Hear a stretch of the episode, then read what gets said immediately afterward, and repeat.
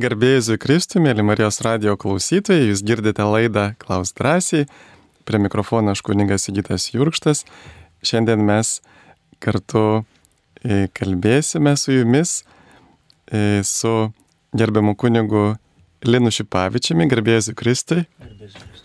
Kuningas Linas yra Vilkijos ir Seredžiaus parapijų klebonas, yra šventojo rašto licencijatas, tai galite užduoti klausimus apie šventąjį raštą, jis tikrai mielai atsakys, žinau, kad yra e, kunigui Linui tai labai įdomi tema, kurią jis nuolat domisi, tai galėsime uždavinėti klausimus. Šią temą taip pat su mumis kartu yra ir Edita Liubertinė, garbėsiu Kristui. Garbėsiu Kristui. Ir Edita yra keturių vaikų mama, ji yra baigusi religinio švietimo magistrantūros studijas, yra gerojo ganytojo katechezių vedėja, taip pat ir dalyvauju įvairiose šeimų judėjimuose, Kentenikų šeimų akademijoje, Dievo motinos komandų judėjime. Tai irgi galite klausti va dalykus, kurie susiję su šeima. Ir Edita, norėjau kaip tik jūsų dar paklausti, kas yra ta gerojo ganytojo katechezė. Mes kartais girdime apie jas. Taip. Aš tu turbūt pirmiausia mama, kuri e, tą gerąjį ganytoją taip netikėtai visiškai atkeliavusi į švenčiausiojo sakramento, sutikau per sesutę Eloizą, kur pamatė mano vaikus, kur aišku, mažiukai vaikai atėjo bažnyčią, nu tikrai, ne visą laiką pateisina tuos lūkesčius, kaip jie turėtų elgtis kitų aplinkinių atžvilgių. Ir aš jau buvau besiruošianti išeiti, galvoju, nu, Dieve užteks šį kartą adoracijos, nes vaikai pradėjo judėti, aktyviau būti. Ir sesutė sako, palaukit, yra toks dalykas labai tinkamas būtent jūsų amžiaus vaikams. Aš žiūriu, aišku, tokiam dideliam akim galvoju, ko aš dar nežinau kaip mama. Sako, jūs ateikit kaip tik, vat, rudenį renkama mažiukų grupė e, kviečiami jūs į atriumą, sakau, kur, kas, kas tai yra. Nu ir va tokiu būdu aš pati patekau į atriumo aplinką ir liaudiškai taip tak, sakant, užsikrėčiau, kad pati baigiau katechezės mokymus, tai yra pirmą lygį, kur darbas su pačiais mažiausiais, tai yra e, juos mes palydime nuo trijų metų ir iki penkių metų. Ir tas toks buvimas prie mažo vaiko, kur netgi ir tėvai kartai sako, ką toks mažas vaikas gali su Dievu, kokį ryšį, santyki turėti. Tai yra tiesiog katechečių palydėjimas mažiukų į santyki su Dievu kur mes pagrindinį matome kaip ir pagrindą tai Dievo darbą ir tas vaiko religinis potencialas, kuris jau vaikė nuo pat gimimo, netgi turbūt užsimesgymo jo yra. Ir būtent tą potencialą, kad jis įsiskleistų, religinis vaiko potencialas e, Dievui kalbinant jį. Tai tiesiog saugusio pozicija yra nemaišyti, tiesiog palydėti vaiką link Dievo, į santykį, į bendrystę, į atradimą, į draugystę su Dievu. Tai man tai yra didelis lobis, nes kai aš sakau, galiu liudyti vien dėl to, kad mano vaikas tai ir mažiukas pats mažiausias, kuriam dar nebuvo trijų metų, aš tiesiog buvau primta į atriumą, tai yra speciali aplinka paruošta, pritaikyta vaikams, mažutėliams, kai aš sakau sumažintas turbūt bažnyčios variantas, kur vaikas e, tikrai lydimas su ramybė, nejaučiant jokios baimės ir pasimetimo, kad jam visa aplinka yra svetima. Man tai yra gėris ir lobis ir aš susitinku šeimas ir sakau, ką jūs nežinot ir daug kas pasirodo net nežino apie tą katechezę, tai man kažkaip irgi dovana, kad aš pati tiesiog buvau tai pagauta pačio Dievo turbūt ir parodytas tas kelias man, kaip būti šalia savo vaikų, jiems nemaišant. Taip, ačiū iš tikrųjų, kad e, vaikai, jeigu yra tinkamai palidimi, jie labai greit atranda tą ryšį su Dievu. Aš prisimenu, turėjau tokią patirtį, kaip svečiuose ateina penkių metų berniukas pas mamą, sako, mama, kada mes melsimės rožinį. Ir kada vaikai atranda tą maldą, jie gali ir nori melstis panašiai kaip ir visi kiti žmonės, kada e, turi pakankamai kantrybės pasimelsti nors vieną kartą rožinį, kad patirtum, jog per ją patiria mergelės Marijos tokią užtarimą, atgaivą. Ir va todėl mes irgi siūlom ir klausytojams ateiti pas mus dažniau su šeimomis, pasimelsti rožinį, pavyzdžiui, jeigu jūsų šeima e, vaikai nelabai linkia melstis, e, spiriojasi, bet jiems gali būti labai įdomi atrakcija ateiti į Marijos radijos studiją čia Kaune arba Vilniuje ir kartu, kada jie pabus pravestą rožinio maldą kartu su jumis, galbūt jie ir atras tą maldą. Vilniaus Antanas klausia, pakomentuokite pradžios knygos trečios skyrius 23 eilutę pirmo, antro ir trečio skyrių kontekste. Gal kuningas Linas galėtų. Taip pačioj pradžioj paskaitome pačią eilutę. Todėl viešpas Dievas išsiuntė jį iš Edeno sodo dirbti žemės, iš kurios buvo paimtas. Tai pats trečias skyrius kalba apie tai, arba kitaip galima pasakyti. E, Biblija taip pat bando atsakyti žmonėms į klausimą, iš kur atsirado pirmoji nuodėmė. Na ir trečias skyrius visas užima tą idėją arba tą pasakojimo istoriją. Ir šita eilutė iš tikrųjų parodo pačiai padarinį nuopolio žmogaus Adomo ir Jėvus.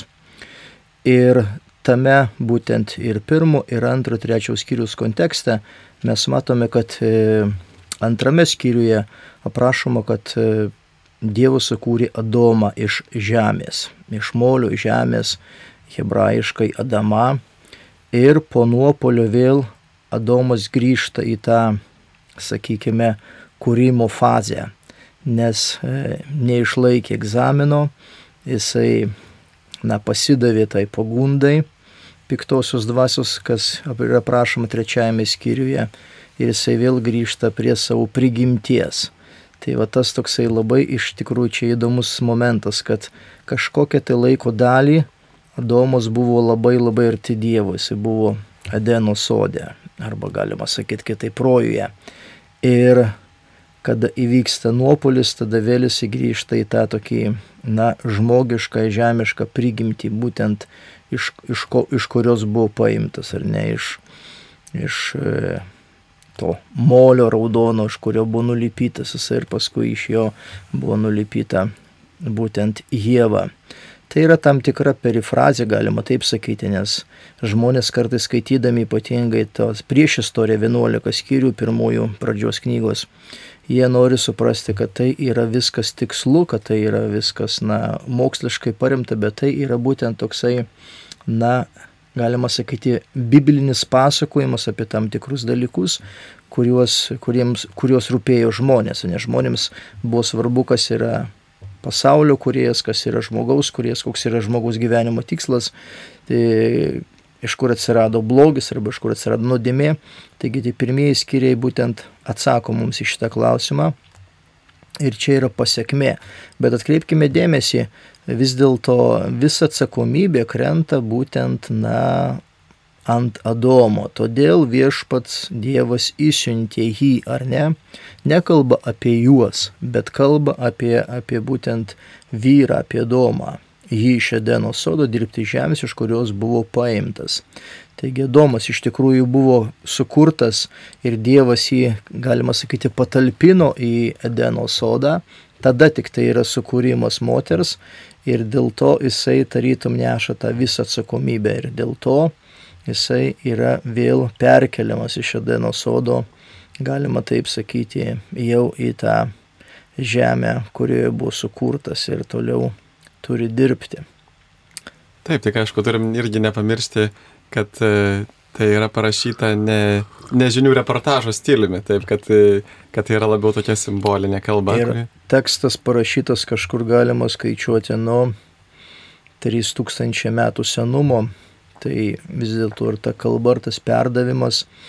Ir, na, reikia pasakyti, kad, na, Izraelio tauta taip pat turėjo įtaką ir, ir Babilonijos įtaką, ir, ir kitų aplink kultūrų įtaką, ir Asirijos įtaką, kurie taip pat turėjo tos pasakojimus arba mitus apie pasaulio sukūrimą ir apie e, blogio arba pirmosios nuodėmės atsiradimą. Ir taip pat čia Biblija neišimtis, jinai truputėlį naudojasi tą aplinkinę kultūrą ir bando taip pat savo skaitytojui papasakoti, e, kaip iš tikrųjų na, atėjo į pasaulį tas blogis ir kokios yra pasiekimi žmogui. Čia ir kitas klausytojas klausia, kuri šventojo rašto vieta tinka sąžinės patikrinimui ir dienos peržvalgai. Aš galvo taip, e, į mintį ateina palaiminimų, na, Jėzus palaiminimai mato penktame skyriuje. E, ir visas tas skyrius, visa, visas tas kalnų pamokslas jisai kaip tik yra tokia Evangelijos širdis, taip ir kaip mes galėtume ne tik tai, kad e, nieko nenužudyti, bet ir apskritai gyventi e, siekdami tapti vis panašesnį į Jėzų. Taip, taip, ten pe, nuo 5 iki 7 skyrius yra kalno pamokslas ir ten Jėzus paskui interpretuoja Seną testamentą, įstatymą ir ten net kalba, kad na, netgi tavo mintis jeigu jinai yra bloga, tai jau yra nuodėmė, nes, nes e, sako, jeigu tu gėdulingai pasižiūri į moterį, vadinasi, tu nusidedi. Tai šitą Jėzus iš tikrųjų ir Naujo testamento tekstas kalba apie tai, kad netgi arba netgi tavęs užjautrina, kad vienu žodžiu, kad nereikia padaryti kažkokio tai jau veiksmo, kad tai būtų nuodėmė, bet užtenka, kad jau tu įsileidai savo mąstyseną kažkokią tai blogą mintį, tai yra nuodėmė. Tai drąsiai galima skaityti ir penktą, ir šeštą, ir septintą skyrius ir kažką tikrai atrasime. Dar vienas klausimas. Ar biblinis tekstas keičiamas pagal bažnyčios poreikį begalybę kartų? Tikrai ne, nes Biblijos tekstas jau mes turime istorinius liūdėjimus, kad apie šimtuosius metus pirmas minėjimas papijo ir visada yra kritinio teksto Naujojo testamento įvaduose jau aprašoma, kad jau tuo met yra susiformavęs Naujas testamentas Evangelijos, tai yra šimtieji metai. Ir praktiškai na, nuo šimtųjų metų paskui e, moratorio kodeksas 164 metai taip pat kalba apie jau žinomas Evangelijas, žinomus laiškus, Tai vad, sakykime, jau nuo pirmo amžiaus yra susiformavęs Naujojo testamento švento rašto kanonas. Ir jisai keliauja praktiškai na, nuo pirmo amžiaus iki dabar e, vis perrašomas arba vis išleidžiamas.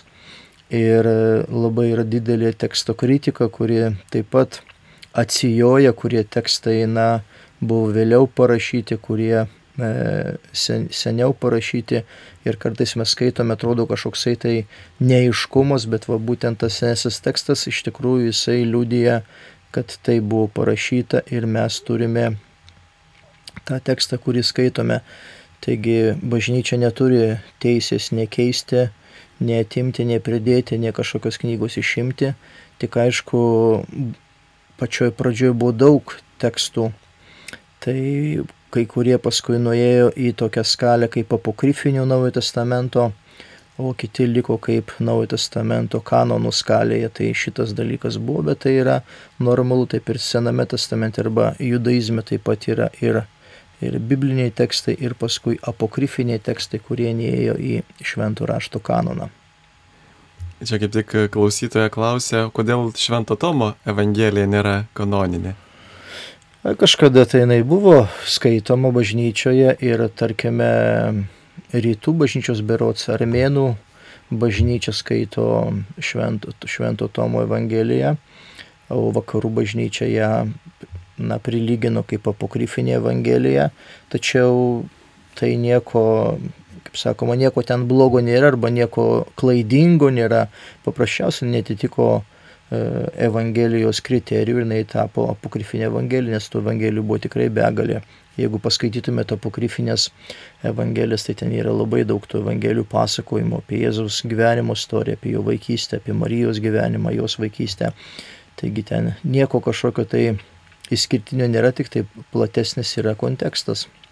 Taip, ir turbūt galėtume pridėti, kad va, kai kurios iš tų apokrifinių raštų gal iš tikrųjų jie nėra labai toli nutolę nuo, nuo mūsų evangelijų, bet kaip ir ta pati galbūt Švento Tomo arba e, kai kurie kiti žydiškiai raštai, bet vis dėlto e, dauguma va, tų raštų, kuriuos paskui atrado Naghamadžio vietovėje Egipte 1945 metais ir jie yra verčiami, man atrodo, net į lietuvių kalbą neseniai buvo išversti.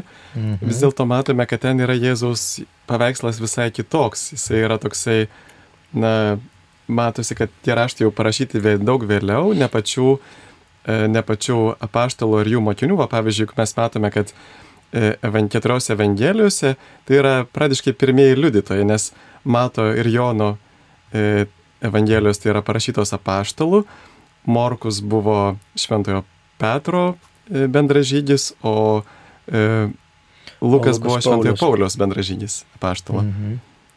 Va. Taip, bet, bet Hamadžio jau, jau atrasti raštėje ten jau yra gnostikų įtakoje ir, ir tarkim jau mes jaučiame, pažiūrėjau, Jono Evangeliją, jau jinai kovoja su gnosticizmu.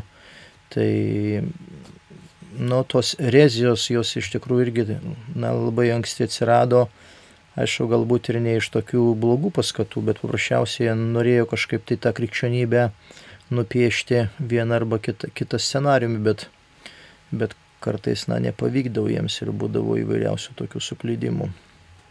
Taip, ir dar vienas klausimas apie šventą raštą, čia matosi jų visai nemažai duoda klausytojai.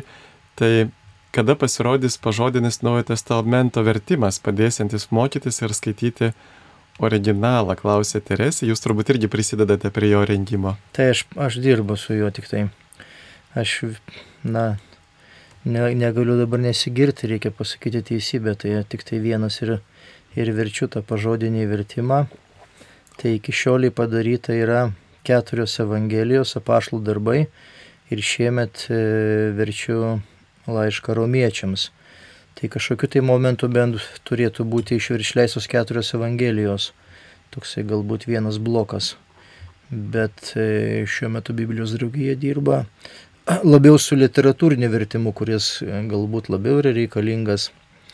Tai galbūt kada baigs versti tą literatūrinį vertimą Naujojo testamento, tuomet bus leidžiamas ir alternatyviai tarp eilutinis arba interlinės Naujojo testamento vertimas, kuris tikrai padeda labiau suprasti šventų rašto tą idėją ar mintį, arba pažodinis vertimas, jis iš tikrųjų labai gerai apibūdina. Ačiū. E, vienas klausytojas klausė, kas pirmiau šventasis raštas ar krikščionybė?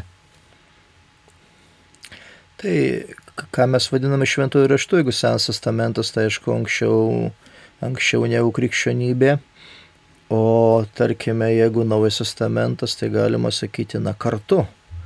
Kartu, nes krikščionybė tai yra, yra ta, sakykime, žmonių grupė, kuri pradėjo, na, savo... Atsiprašau, turime skambutį, taip? Klausytojas Alfonsas iš Šiaulių. Garbėsiu Kristui. Per amžias. Kadangi mūsų laidoje dalyvauja viena garbinga moteris, motina žauginusi auginanti keturis vaikelius, tad aš, būdamas jau nors senelis, 98 metų aklas, noriu pasveikinti ir aš esu tėvelis, užauginęs keturis sūnus, šaunuolius, garbingus, didžiuojuos jais. Noriu ją pasveikinti ir kartu ir visas tas motinas, kurios šitaip aukojasi ir aukoja mūsų tėviniai savo gyvenimą, likimą, augindami ateitį savo vaikus. Prašau paklausyti mano pasveikinimo.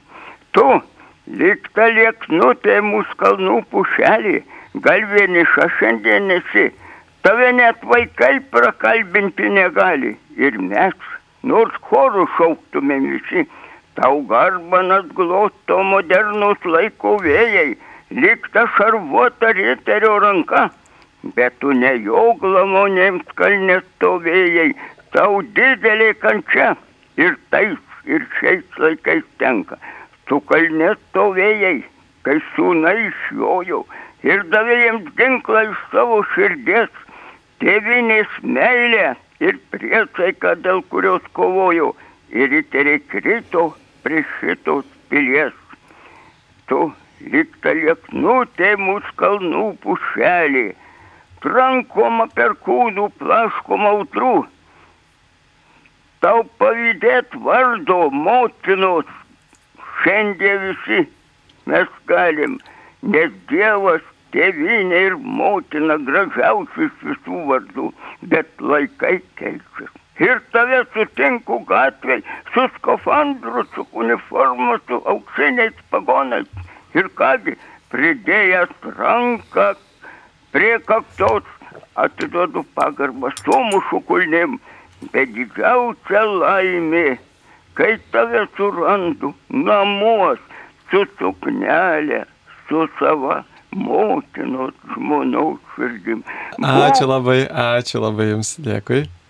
Tai iš tiesų galime e, džiaugtis, kad yra šeimų, kurios taip augina e, daugiau vaikų ir O ką Jūs patartumėte, Dita, va toms šeimoms, kurios, na, dvėjoja, galvoja, na štai aš jau turiu vieną, du vaikus e, ir, na, kam apsikrauti iš tikrųjų tais vargais, kad čia dar ir trečias, ir ketvirtas, ir penktas būtų, gal paskui nebepajėgsiu. Taip, iš tikrųjų, jeigu egoistiškai taip pasižiūrėjus ir grįžus į tą laiką, kai mes turėjom tik tai du sūnus, tai taip, galima buvo sakyti su vyru, kad jau gana, yra vienam, yra kitam po sūnų, bet mūsų būtent šeimos turbūt atgimima, atgimimas ir toks gilesnis ėjimas tikėjimo kelionėje, dvasiniu keliu abiems buvo tiesiog toks būdas, toks kalbinimas Dievo, kad nu, nereikia gyventi dėl savęs, būti egoistais ir tas, ką mes turim dabar, kai aš sakau didžiausią lobį vaikus, kurie šiai dienai tikrai galima sakyti, kad ne mes juos auginam, bet jie mus augina, nes atrodo, kad mes kaip tėvai norim visą laiką vaikams duoti, kas yra geriausia bet tai yra pagal mūsų supratimą, o Dievas visiškai kitaip mato tas situacijas. Ir būtent, kai aš sakau, turbūt sudaro tokias sąlygas ir e, šeimą pastato į tokias aplinkybės, kad tiesiog pirmiausia turbūt tėvai turi aukti. O paskui šalia to pačio auga, kai aš sakau dabar, tai E, tiesiog savaime turbūt Dievo priežiūroje ir su tėvų maldomis tie vaikai auga ir keliauja link Dievo vienokiu ar kitokiu keliu. Tai kažkaip sustoti, aš sakyčiau, labai e, būtų drąsu ir tikrai egoistiška mamai ir tėčiui, žmonai ir vyrui pasakyti, nu gana, kam čia apsisunkinti, kam čia apsikrauti, bet iš tikrųjų tai yra mm, dovanos diena iš dienos. Ne tai, kad kažkuo tai save nuskriaudi, bet labai daug gauni. Taip, turime, ačiū dar vieną skambutį. Ir skambina Liucija iš Vilniaus. Garbėzu Kristui. Per amžius, Liucija, klausom. E, norėčiau sužinoti, e, kaip e, reikėtų tarti e, graikišką žodį, žinau, ką, e, kanon, kanonis, gale kirčiavimas. Ar latiniškai keičiasi tarimas? Ir kirčiavimas tiksliau. E, kodėl kirčiuojama kanonas, kada originaliai yra kanon, kanonis graikiškai. Ir latiniškai įdomu, ar tas pats išlieka ar ne. Taip, ačiū. Ar žinot, ką nors apie kirčiavimą? Tai taip, nes matote, graikų kalboje prakti... nu, yra ten keletas kirčiavimų, dažniausiai, dažniausiai būna ant antros kiemens, bet tai yra graikų kalboje o lotynų kalboje yra kitaip, o lietuvių kalboje kitaip kirčiavimas, tai mes negalime likti, aišku, jeigu mes norime ištarti originaliai žodį, kaip pavyzdys. Kanon, taip, kanon. kanon. Tada mhm. taip. Bet jeigu mes jau jį lietuviname, kaip sakoma, irgi parašyta ka, kanonas. Kanonas arba kanonas. Kanonas, jo. Tai va, tai, tai tada kalbame apie kanoną. E, bet, bet mes neturėtume taip labai jau sureikšminti, kad jeigu ten, aišku, jeigu mes sakome, jeigu originalą atstum, tada taip, bet jeigu mes jau darome, darome sakykime, lietuviname, tuomet jau pagal lietuvių kirčiavimo taisyklės. Taip, dar turim vieną klausimą. Kaip graikiškajam test, naujajam testamente Jėzus mokė melstis, gelbėk mus nuo pikto būdvardžio ar piktojo daiktavardžio? Mhm jį vardėjo kaip asmenį, tai kodėl įvyko tokie pakeitimai vertime? Čia yra šeštas skyrius ir yra tėvė mūsų malda ir ten yra daug diskusijų apie tą, apie tą būtent pabaigą tėvė mūsų maldos. Tai mes, mes atversime ją. Taip, taip, taip, tai yra 13 eilutė 6 skyriaus. Ir nevesk mūsų į pagundą, bet gelbėk mus nuo pikto. Ir dabar graikiškas žodis poneros. Poneros, ar ne? Tai yra būdvardis, bet kadangi jis eina su artikeliu, tai mes galime identifikuoti, kad tai yra piktasis. E, tokia yra mano nuomonė ir ne tik tai mano, tai yra kai kurių švento rašto komentatorių nuomonė. Tačiau mūsų vertime e, Česlovo Kavaliausko e, yra pavartotas žodis pikto, taip pat ir jūrėno ir taip pat dabartinis naujas vertimas Biblijos draugijos taip pat yra pikto. Tačiau, vat, tarp eilutinėme vertime, kurį aš dariau, aš parašiau, kad gelbėk mus nuo piktojo. Nes vis dėlto artikelis, jisai suteikia na, tam būdvardžiui tam tikrą privilegiją, kad mes galime kalbėti jau apie tą, apie asmenį. Ir Biblijoje netgi truputėlį jaučiamas, kada kalbama apie, apie šetoną, apie velnę, tarytum, na, jį truputėlį tai pažeminti, ne, neparodyti jam tokios garbės, ar ne, kad paskui nejaustų, kad čia Biblija garbina arba kažkaip tai skirtinai nori parodyti jo vaidmenį toje išganimo istorijoje, bet vis dėlto čia aiškiai matomas, kad kalbama apie tam tikrą asmenį ir nevesk mūsų į išbandymą, dabar galima taip sakyti, ne pagundą, bet išbandymą arba išmėginimą, bet apsauk mus nuo piktojo. Tai konkrečiai e, ir Evangelija, ir Jėzus Kristus, ypatingai Morkaus Evangelija ir krikščionybė kovoja su konkrečiu asmeniu, o ne šiaip, kada žodis yra pikta, gelbėk mus nuo pikto, o kas tas yra piktas ar ne, tai mes puikiai žinome, kas tai yra piktas, bet e, kada mes pasakom piktojo, tai jau mes suprantame aiškiau, kas tas yra piktasis. Taip, ir čia galbūt e, galim spėlioti, kad galbūt vertėjas norėjo praplėsti tą E, blogio savoką, kad ir nuo visokių nelaimių ir panašiai, natūralių, o galbūt ir, mat, kaip 20-ojo amžiaus antroje pusėje buvo toks tai evangelijų numitinimo judėjimas, galbūt buvo subejota velnio egzistavimu irgi kartais, kad neižeis kai kurių žmonių, kurie netikė, kad velnės egzistuoja, nors bažnyčia niekad e, neneigė ir visą laiką patvirtino. Ja, bet Evangelija labai aiškiai e, rašo, taigi scenose, kur yra kova Jėzaus su, su šetonu, pradedant gundimu ketvirtas skyrius mato Evangeliją ir per visą paskui Evangeliją eina ta istorija. Ir čia nereikia bijoti, nors kai kurie, aišku, žmonės čia galvoja, kad gal Dievas dar yra, bet, bet vėlna tai tikrai nėra, žinai. Tai tokio 21 amžiaus žmonių mąstysena, bet čia nereikia bijoti, čia rimti komentarai taip pat šventų raštų rašo, kad galime versti ir būtent šitą formą, nes tai suteikia būtent tas artikelis, nes ne prie visų yra žodžių naudojami artikeliai. Taip, ypatingai va, tam New Age dvasingumui būdinga paneigti tiek Dievo asmens egzistavimą, tiek velnio kaip asmens egzistavimą. Bet štai, kunigelinai, aš kažkada girdėjau jūsų tokį liūdėjimą, nežinau, ar jūs norėsit viešai pasidalinti su visais apie tai, kaip kažkada meldėtas už apsėstą žmogų ir kažkada, ir tada pamiršot prieiti prieš tai iš pažinties.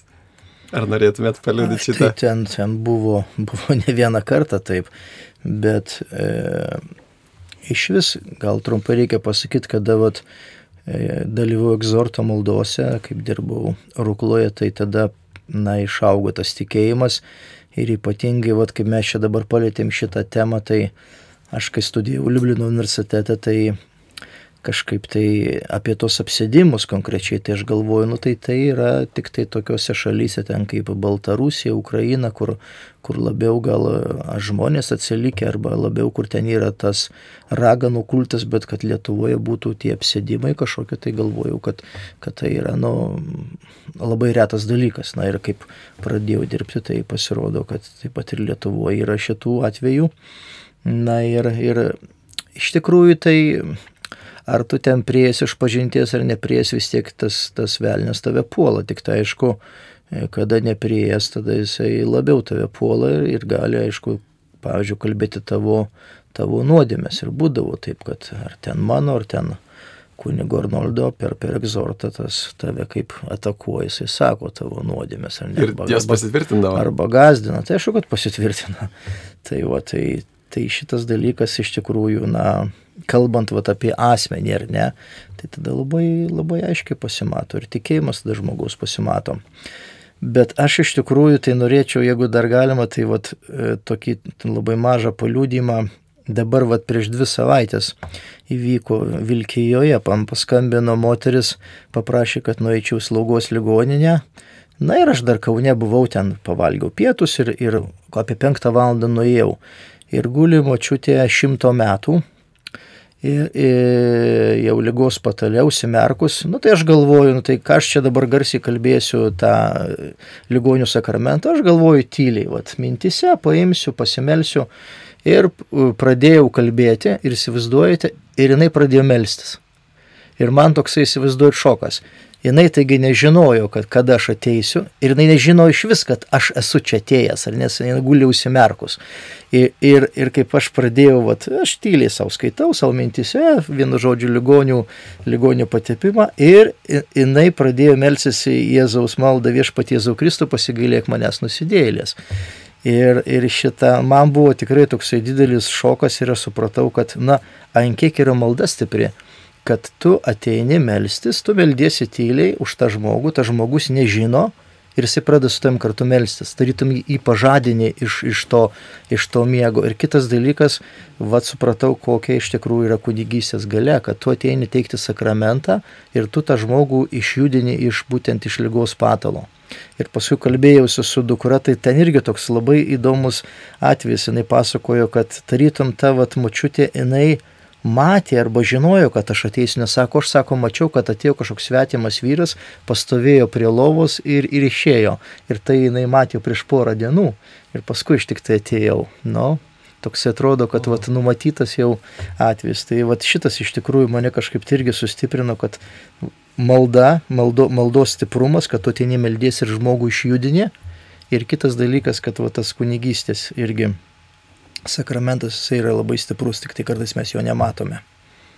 Ir aš prisimenu irgi, kad va, tiem pamaldiem žmonėm, kurie praktikuoja tam tikrus pamaldumus, Dievui įkvėptus, va, pavyzdžiui, pirmų penktadienių ir pirmų šeštadienių ir ten yra irgi tokie pažadai, kad žmogus nemirs be sakramentų ir kad na, netikėtai be paskutinių sakramentų, tai turbūt ta moteris galbūt buvo iš tikrųjų labai na, pamaldys savo gyvenimą ir Dievas davė malonę. Ir, ir kad tikrai, kai kažkas meldžiasi, tai kartu šventoji dvasia įkvėpia ir kitus žmonės melstis, tarsi išlaisvina tą maldą. Mumis sakė parašyta, kad šventoji dvasia užtarė mus neišsakomais atodusiais.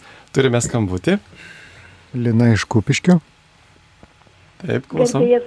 Garbė Jėzui Kristui. Per amžius, Lina. Na, aš čia praeitą kartą skambinau ir ant to klausimų nebesuspėjau, tiesiog e, kažkaip išjungta buvau pasisakyti. Remdamas iš šventuoju raštu norėčiau e, aptarti, e, manau, svarbiausia charizma tai pranašavimo. Ir čia paskutinį metu girdėjau per Marijos radiją. Aš manau, kad jinai svarbiausia todėl, kad parašyta. Labiausiai siekite pranašavimo labiausiai siekite. Jeigu labiausiai siekite, na tai logiška, kad jinai yra svarbiausia. Ir parašyta, kas pranašauja, ugdo bažnyčią. Sako pamokymus, paguoda žodžius, paskatinimo žodžius. Hierarchijos požiūrių šiaip jau išvardinta yra, apastlas Paulius išvardina e, kitaip truputėlį. Pirmiausia, apastalai, paskui pranašai, paskui mokytojai ir taip toliau. Tačiau va šitas sakinys, kad labiausiai siekite pranašavimo, tai man atrodo, tai rodytų, kad vis dėlto šita charizma svarbiausia. Ir dabar, žodžiu, apaštalai, jie yra žmonės, jie irgi gali suklysti, gali kažkaip įtvirtinti netiesą. Tai panašiai visais laikais buvo tie, kurie ateina ir pasako, va čia jūs nusiženkėte, čia nusiženkėte ir pranašą kaip patikrinti galima, jį būtinai reikia patikrinti, kad nesakytų čia va Dievas man sakė, aišku, čia atskiras atvejis. Tačiau jį patikrinti galima ir reikia, ar jis remiasi šventuoju raštu, ar jis remiasi šventųjų liudėjimais. Ir dabar, pavyzdžiui, aš kaip praktiškai atrodo pranašavimas.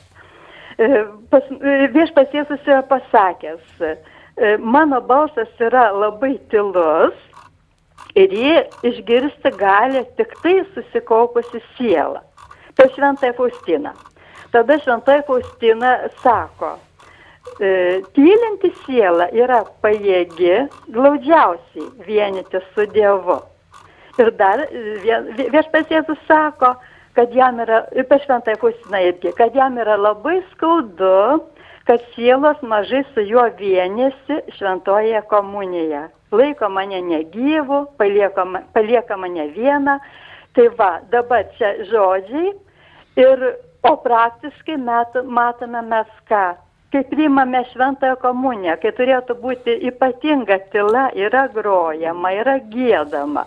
Toliau, švenčiausio sakramento adoracija, kaip vyksta, kalb, per Marijos radiją, kai transliuojama, aš manau, kad tai tikrai nėra pas geriausias bent jau pavyzdys, kai kalbama, kalbama, kalbama, kalbama, o svarbiausio dalyko Dievo klausimo nėra. Juk šventajame rašte yra pasakyta, pirmiausia, klausyk Izraelį, paskui naujajame testamente Dievas iš debesies prabyla ir sako, šitas yra mano mylimasis, nusklausykite jo. Taip, ačiū, Lina, supratom jūsų klausimą, taip. Ačiū. Tai aš pabandysiu tada atsakyti į Linos klausimą. Čia iš tikrųjų kalba apie šventosios dvasios dovanas ir iš tikrųjų pasapašlų Paulių yra trys katalogai.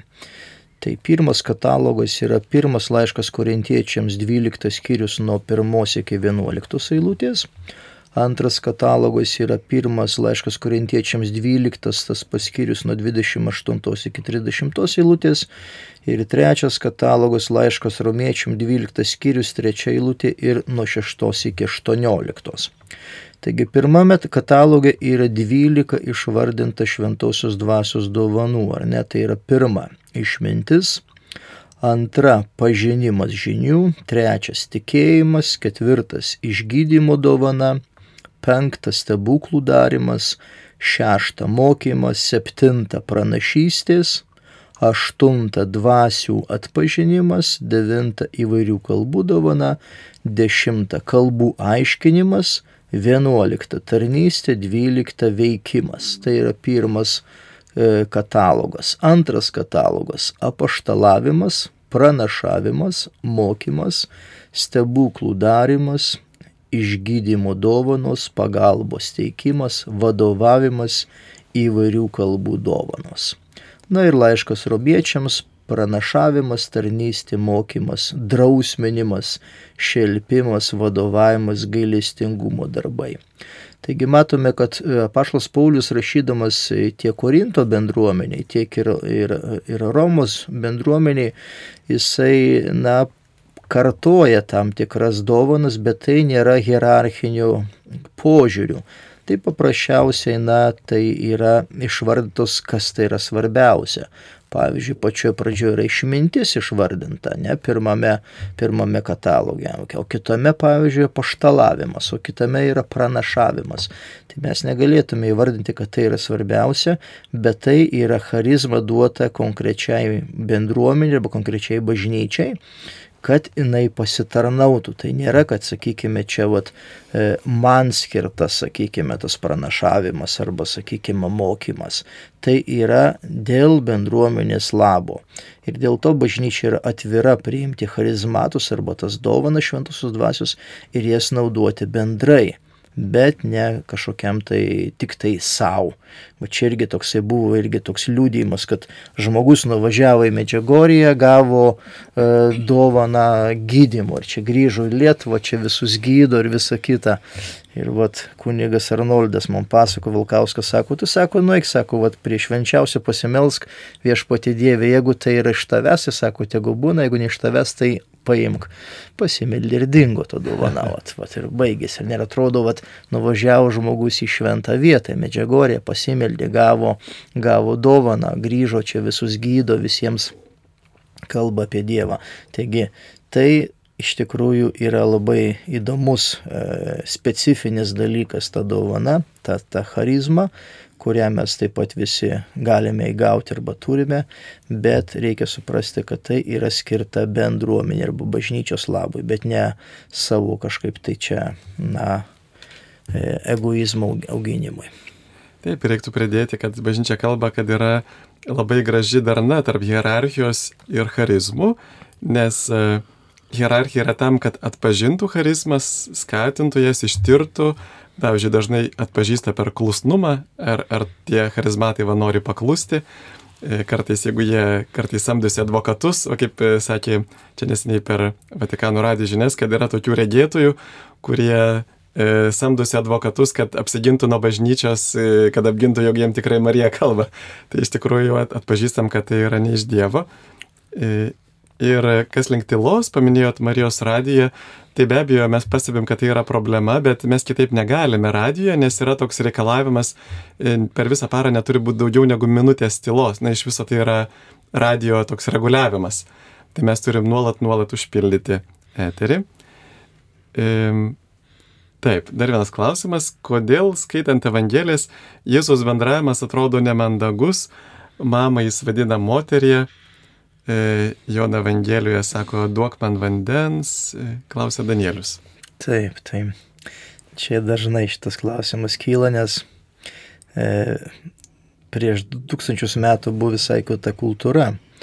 Ir, e, tarkime, Jėzaus žodžiai, kurie vat, užrašyta Evangelijose, jie turi aramėjiš, aramėjų kalbos pagrindo.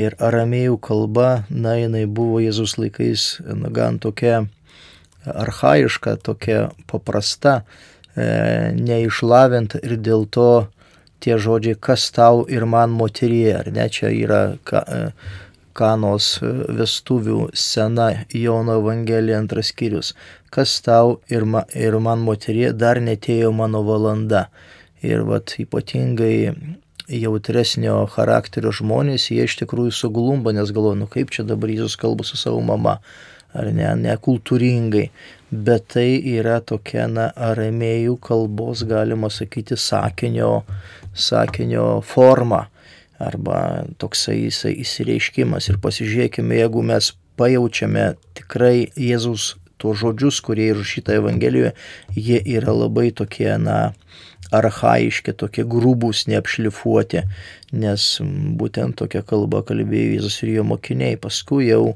Evangelijos rašytojai, ten e, evangelistai, kurie jau rašė arba vertė į graikų kalbą, jau jie truputėlį nugludino tą tekstą, jau, pažiūrėjau, pas Luką mes jaučiame, kad jau tas tekstas yra jau išdirbtas, o tarkime Morkaus Evangelija, kur ten seniausia Evangelija, kur jaučiame tie arameizmai, ten jau jaučiamas tas grubumas. Bet tai nereiškia, kad Jėzus nemylėjo arba negerbė savo motinos, paprasčiausiai tai yra tarytum čiut ne pažodžiui atiduotas tas Jėzaus posakis vienas ar tai kitas. Ir dėl to taip yra. Taip, ir galbūt dar galima būtų kalbėti apie tam tikrą e, švento rašto na, tokius raktinius žodžius, kurie nurodo į kitas vietas, kur samoningai Jėzus, o galbūt ir evangelistas e, juos paminė, va pavyzdžiui, pradžios knygos trečias skyrius, kur sukelsiu nesantaiką tarp tavęs ir moters, mhm. arba prieškimo dvyliktas skyrius, kur didingas ženklas danguje, moteris psiautusi saulė ir, ir ta moteris yra ir motina, kurios vaikai ne tik tai, vaikas ne tik Jėzus, bet ir kiti, kurie saugo Jėzus liūdimą. Ir va čia matom, kad ir ant kryžiaus Jėzus atiduoda, Marija sako, moterį, moterie štai tavo sunus.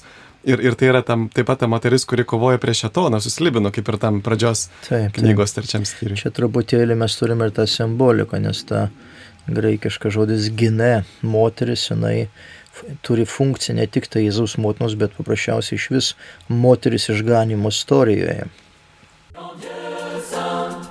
Loué soit ton nom, tu es grand Dieu fort, et nous célébrons Dieu de tendresse, ta miséricorde et ton amour, tu es grand Dieu.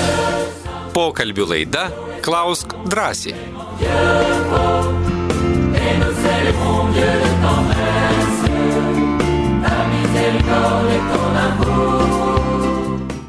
Sveiki, mėly Marijos radio klausytojai, mes grįžtame su jumis į eterį.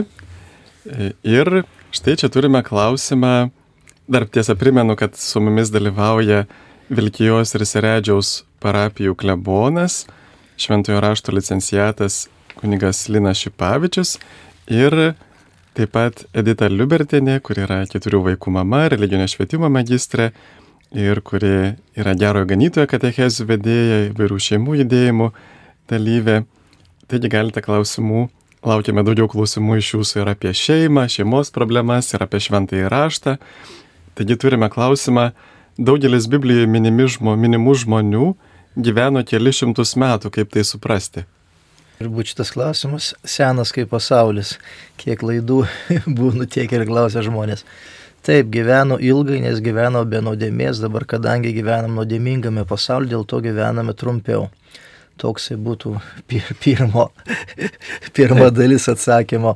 O iš tikrųjų tai, tai yra tam tikras na, rašymas simbolių, nes tas gyvenimas taip ilgai yra 800 ir ten 900 metų, tai reiškia, kad žmogus gyveno arba tiek apie jį prisiminė, ta, sakykime, jų šeima, jo palikuonis, nes e, puikiai mes žinome, kad tas e, anksčiau biblinių laikų gyvenimas, Jėzus laikais gyveno 40 metų, ar ne? Tai dabar kaip čia Jėzus laikais gyveno 40 metų, o sakykime, Nojaus laikais gyveno 800 metų, tai nėra logikos, ar ne?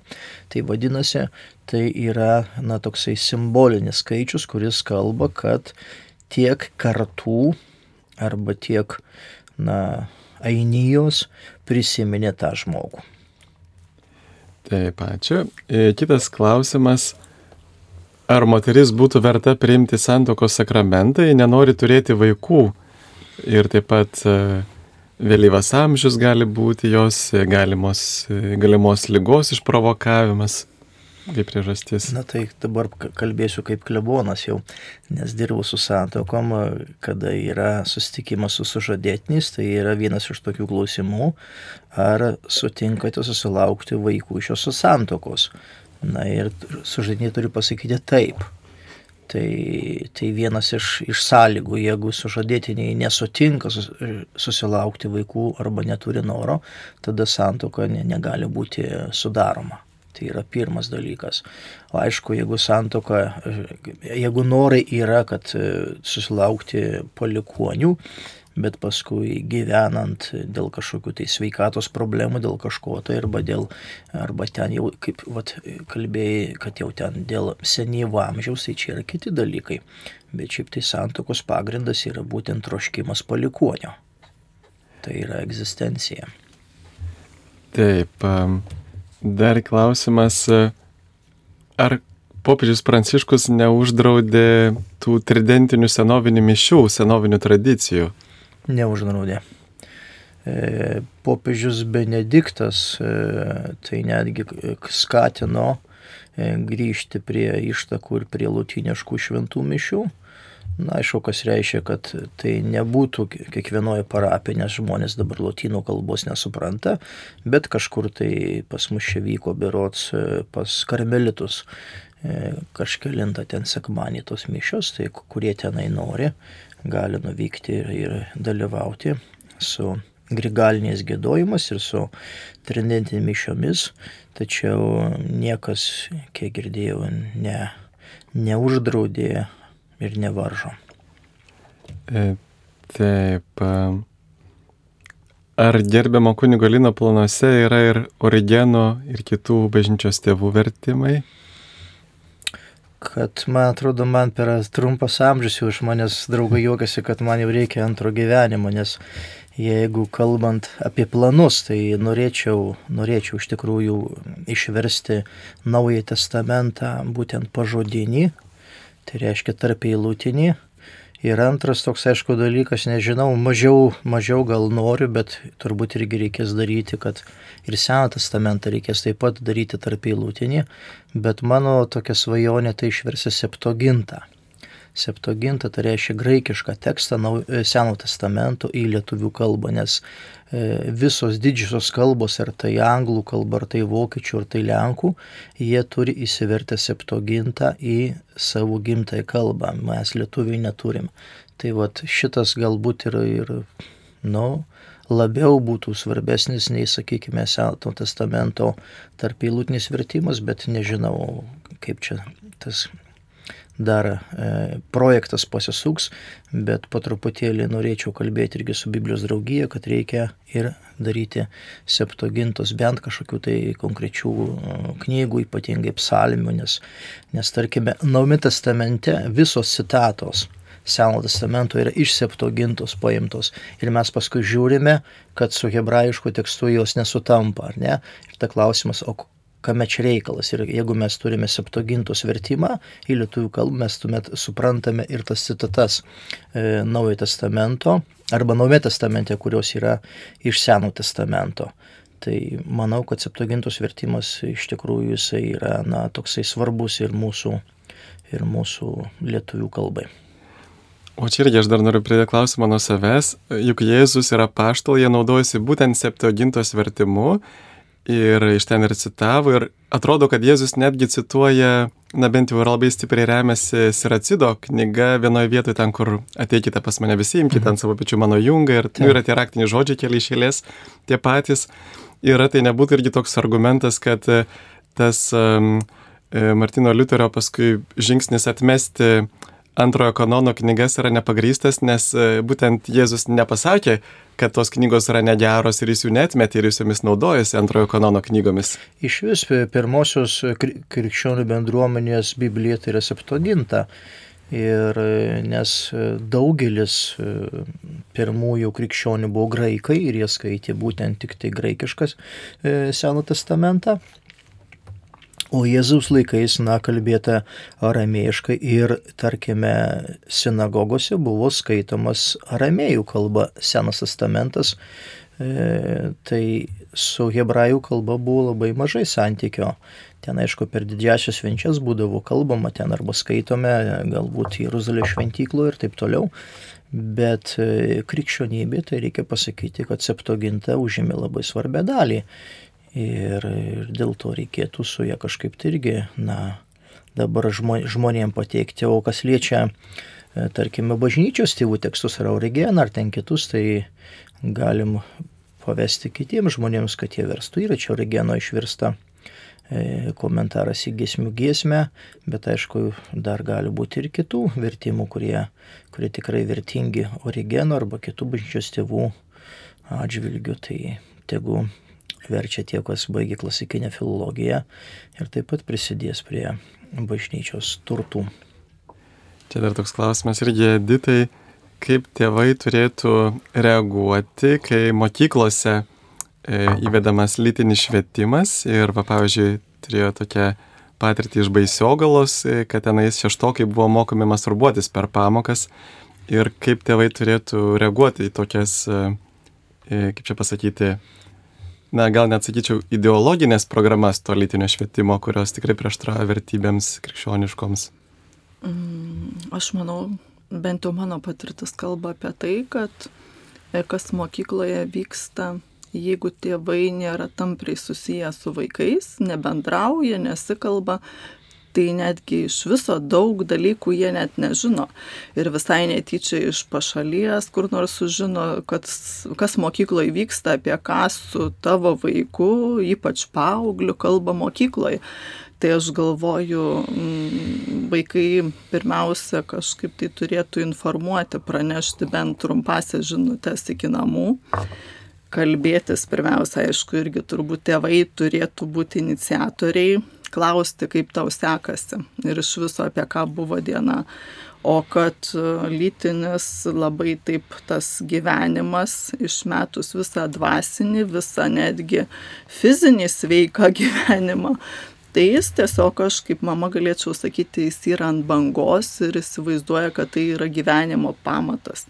Bet jeigu mes jau pradedam apie mokyklas kalbėti ir jau vaiką užrašant su prašymu priimti mokyklą, e, ką aš irgi būtent šį rudenį žadu daryti, paskutinį sūnų išleisti, jauniausią savo vaiką į pirmą klasę, tai aš iš karto pasidomėjau mokyklai, kas tikybą dėstys, nes man tai buvo netgi svarbiau negu lytinis, koks yra mokykloje tas formavimas ar informacija, ar iš viso kas tą dalyką dėstys nes aš tai skaitau, kad pirmiausia tas vat, vaiko dvasinis pamatas ir e, pagrindas, e, su kuo vaikas yra išleidžiamas jau nuo pat pirmų klasių į mokyklą, ar jis yra paruoštas iš viso mokyklai tinkamai, o ne tai, kad ten suėjo septyni metai ir jau vaikas privalo eiti į mokyklą.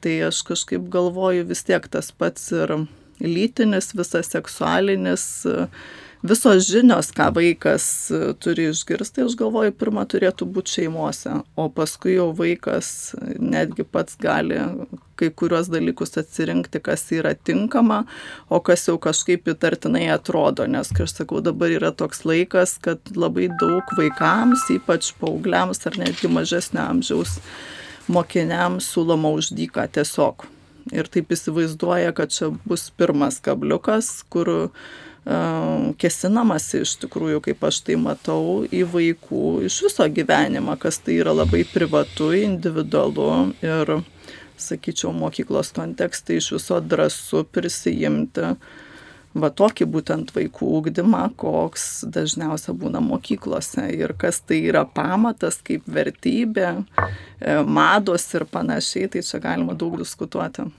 Ir turbūt e, tėvų vis tiek tokia kaip ir pareiga būtų netilėti ir, nu, va, pavyzdžiui, Garpto baisiogalos atveju, kad e, iš tikrųjų, na, labai vienytis su kitais tėvais ir, ir, ir iš tikrųjų kreiptis į mokyklos administraciją, kad tokie dalykai yra ne, neprimtini ir prieštrauja vertybėms.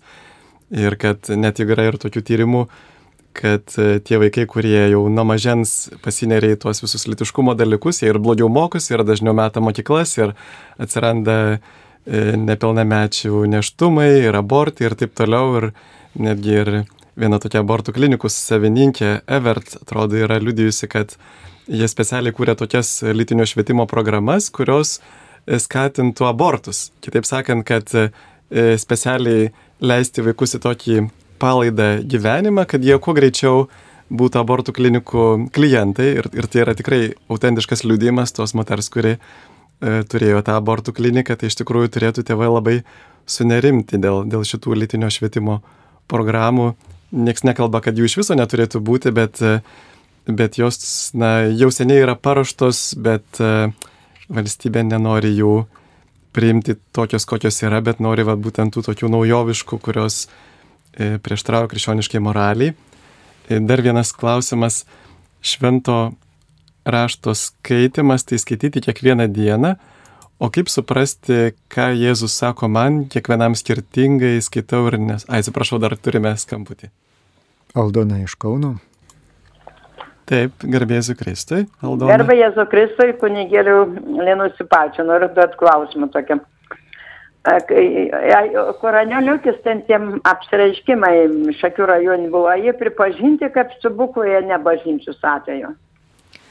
Šiaip tai bažnyčios atveju nepripažinti, tai yra privatus apreiškimai.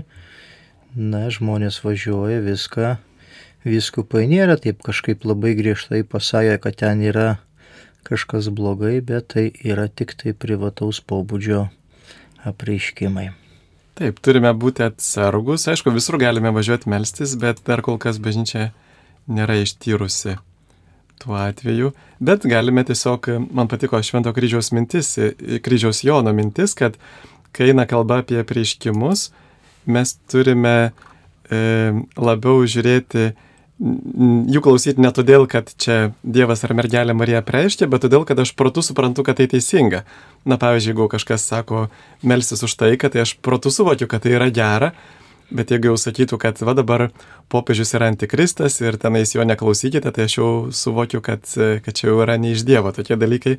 Aišku, čia ketur naujienų apie tai turbūt nekalbama, bet turime būti labiau kritiški, nes vis tiek šventas raštas va, yra tas Dievo žodis, kurį mes tikrai turime patikimą, visos bažnyčios tradicijos išaiškinama, komentuojama.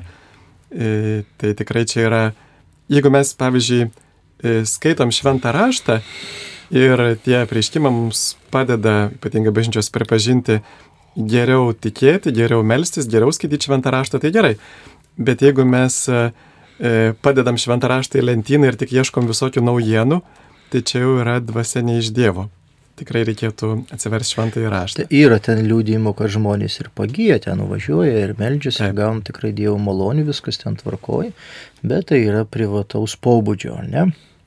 O pavyzdžiui, vat, jau nuvažiuojame į aušros vartus, į, į, į koplyčią, ten jau yra, kaip sakoma, ten jau yra bažnys aprobuotas, nes pažiūrėkime, kiek ir votų yra ir kiek žmonės iš tikrųjų gavę ir pagyjimų, ir sveikatos, ir visų kitų Dievo malonių.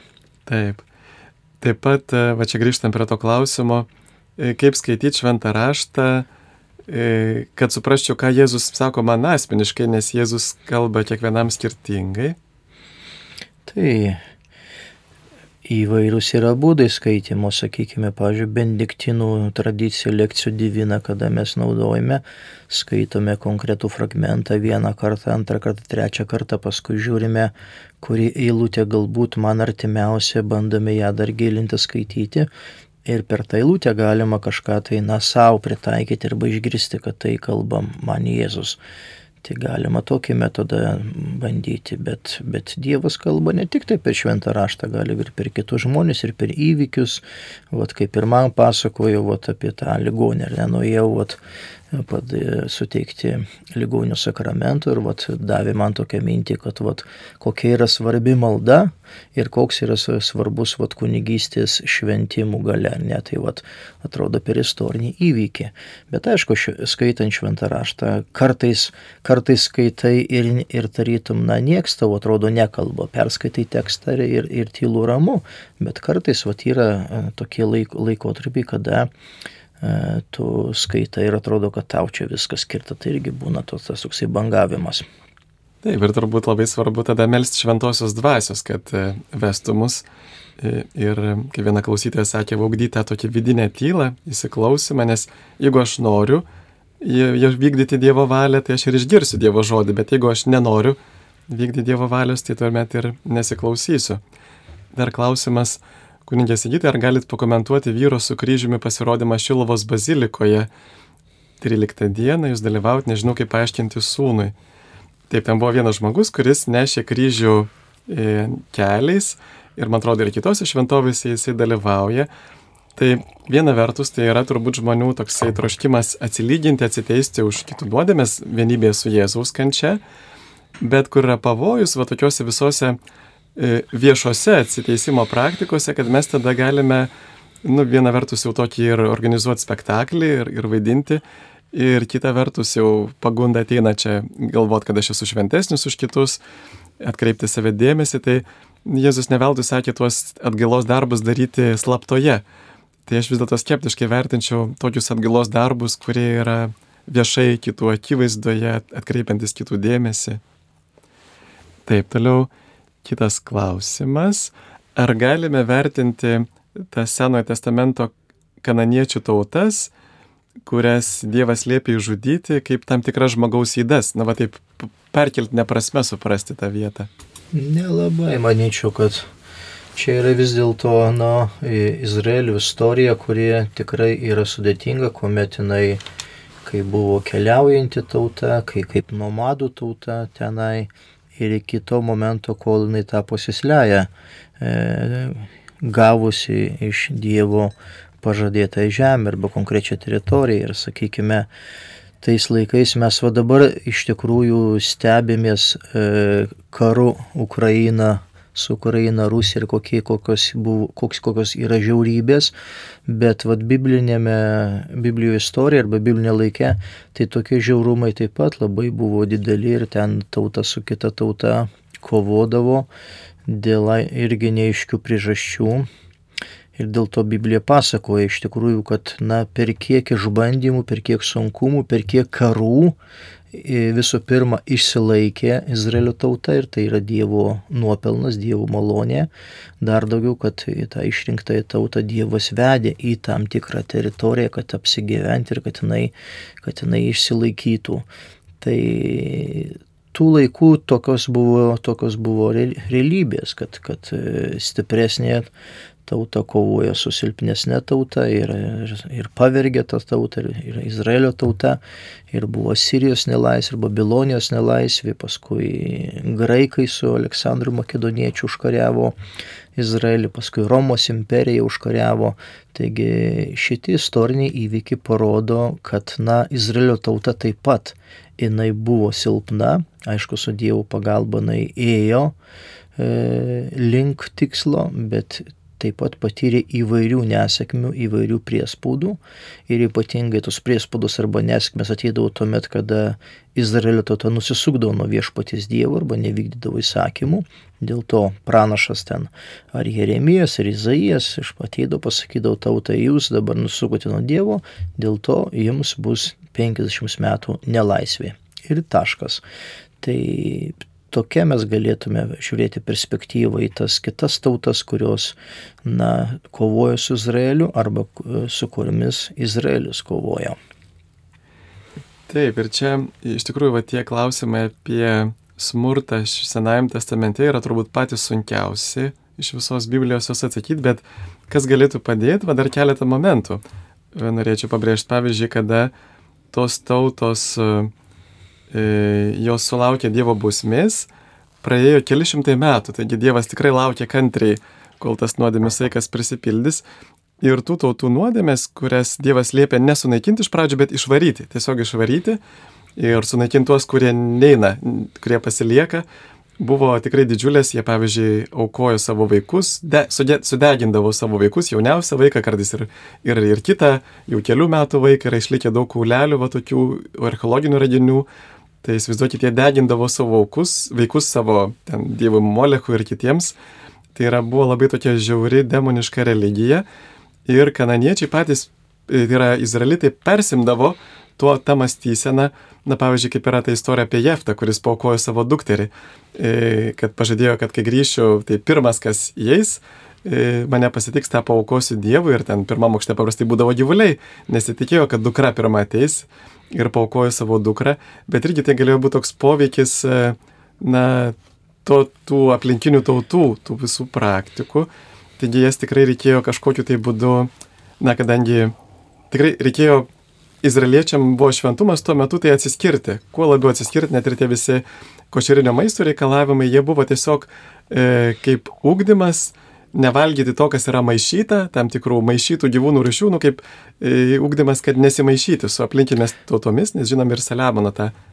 Bet istoriją. kitas dalykas, kada, pavyzdžiui, Izraelio tauta sudarydavo sąjungą arba sandorą su kita tauta, tai būdavo sąlyga, kad priimti ir religiją kitos tautos, ir papročius. Ir dėl to mes vat, turime, kad ir, tarkime, vaikų aukojimas ir ta istorija E, teisėjo Jeftės.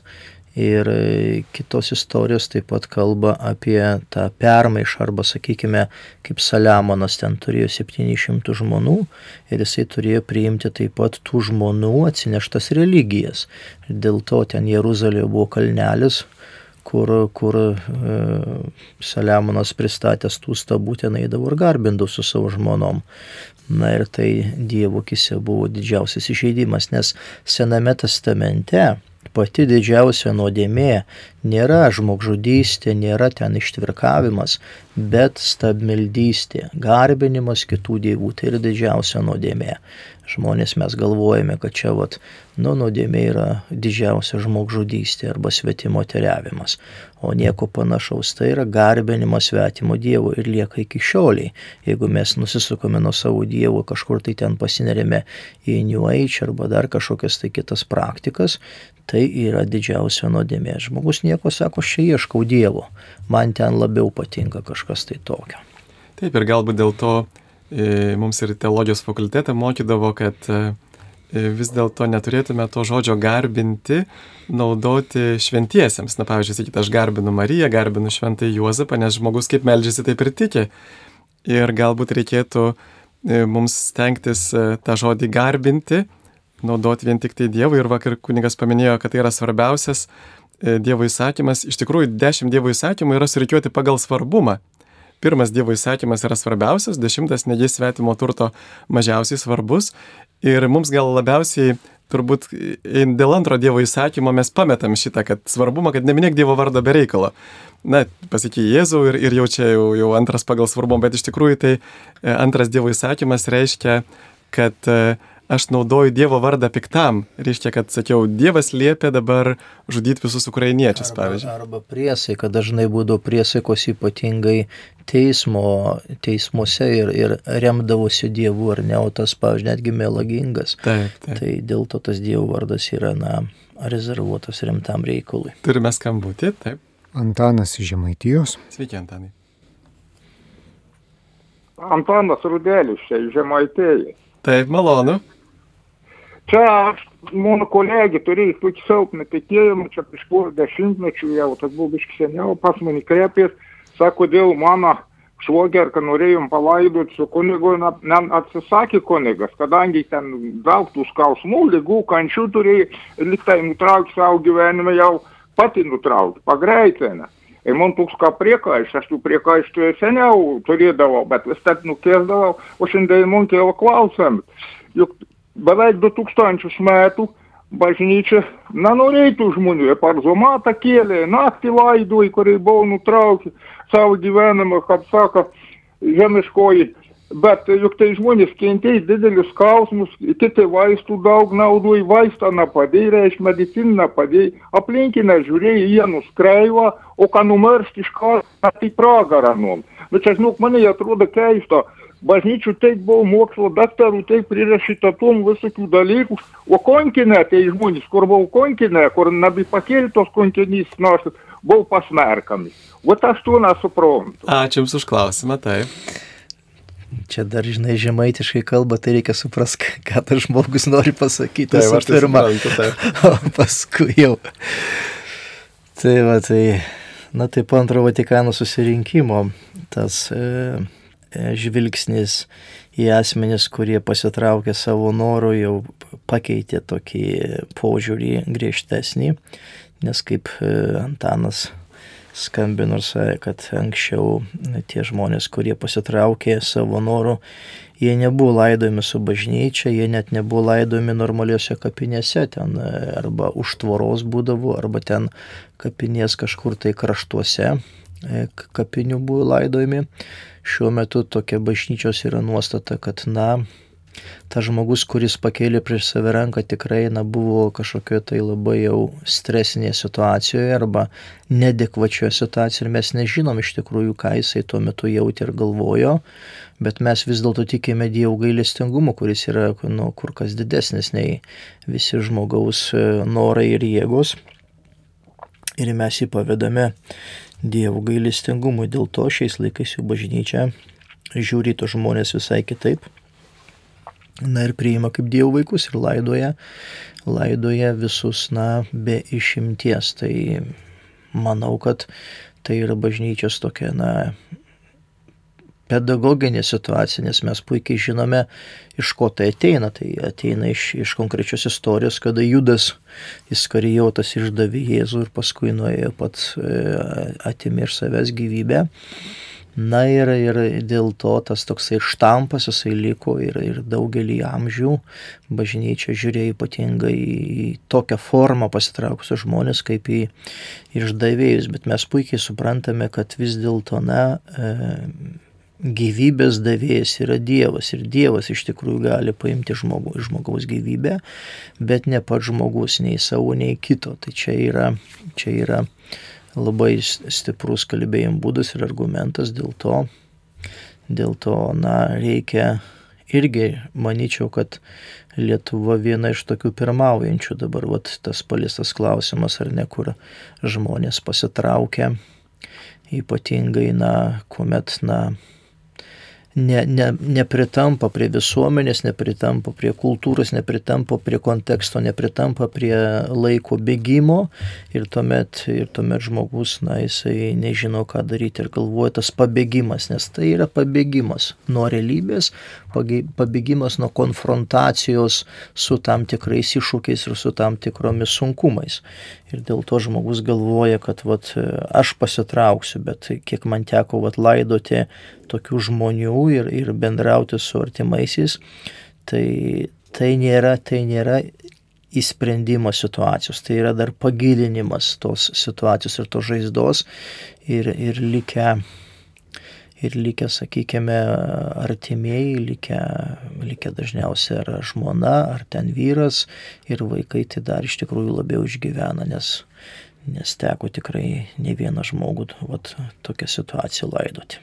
Tai man irgi teko laidoti vieną e, tada žmogų ir prisimenu, kad e, mama išprotėjo, o tėvui po savaitės sustojo širdis. Tai iš tikrųjų yra didžiulė kančia aplinkiniams Ir manau, kad gali būti vienas iš priežasčių, kodėl Lietuvoje populiaru tai ganėtinai e, ir tikėjimas reinkarnacija, nes pavyzdžiui, trečdalis žmonių tiki reinkarnaciją, krikščionių, jau kalbant apie krikščionis Lietuvoje, dar trečdalis, na, galbūt tiki ir tik trečdalis e, tiki, kad va, po mirties yra tas teismas, pragaras, e, skaistikla arba dangus. Tai va tas tikėjimas reinkarnacija gali žmogų paskatinti, kad, nu, gal dar turėsiu kitą šansą netikėjimas pragarų. Čia sigitai, sigitai kompiuteriniai žaidimai dar prie to, kaip ten, žinai, gyvybės prarandi ir, ir gyvybės pasipildai. Tai irgi nereikia atmest, nes taigi dabar jaunimas taigi užaugęs ant šitų dalykų ir, ir jisai taip galvoja, kad va čia, žinai, čia va, šitą gyvybę užgesinsiu, nes kažkas tai nepasisekė, vėl pradėsiu nuo naujo ir tada man bus geriau. Taip.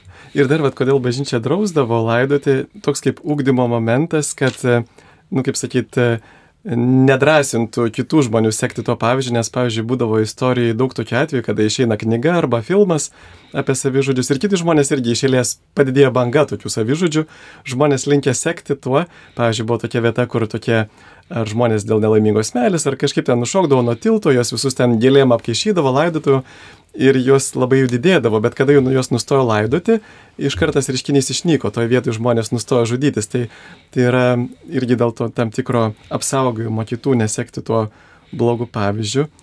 E, ir va dar norėjau pabaigti šiek tiek keletą minčių apie tą smurtą Senajame testamente. Pavyzdžiui, dar buvo irgi nėra likę tokių griežtų, nu, liktai mano žiniomis nėra likę liudijimų, kad izraelitai būtų žudę tuos vaikus ir moteris. Ir e, pavyzdžiui, bet tas e, reikalavimas sunaikinti gyvulius visus, e, na kaip e, auka Dievui, kad, žodžiu, nieko iš ten nepasiimti, jokio grobio. Jozovės knygoje rašo apie tai.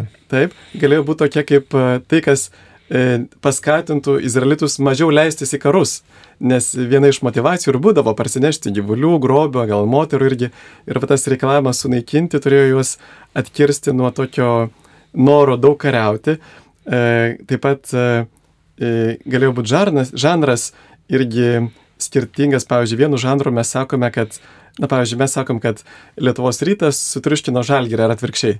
Taip, ir sutriuškino tai nereiškia, kad jų kaulus sumalė, tiesiog tokia kalba. Arba, pavyzdžiui, dar vienas dalykas buvo toks e, būdas rašyti šventą raštą, net ir Nuojam testamente yra, pavyzdžiui, kur Paulius laiškė antram tesalonietiečiams kalba, kad e, šetonas įkvėps e, tą nedorlį antikristą ir žmonės patikės. Ir paskui rašome kitoje lūtėje, kad e, e, tai yra Dievas siuntė šitą e, na, suvedžiojimą tiems, kurie nenorėjo tikėti. Taigi, arba, pavyzdžiui, Sename testamente, kur yra tokia vieta, kad e, apie pranašą Michėją, kur e, jisai mato regėjimą, kad Dievas tarsi siunčia tas melagės dvasias, kad apgautų pranašus, kad suvedžiotų, arba, pavyzdžiui, karaliui Sauliui, kad jisai E, pikta dvasia iš Dievo, parašyta, atrodo, kronikų knygoje, kad įėjo jį ir kad jisai metė jėtį į Dovydą, norėjo nužudyti. Tai vad autoris tiesiog rašo tokiu stiliumi, kad jisai tiki, kad viskas, kas vyksta, Dievas vis tiek yra to šeimininkas, kad vis, vis tiek vyksta Dievo valia. Kaip matom, ir Jėzus leidžia tom demonam nu, eiti į tas keulės ir jas pražudyti.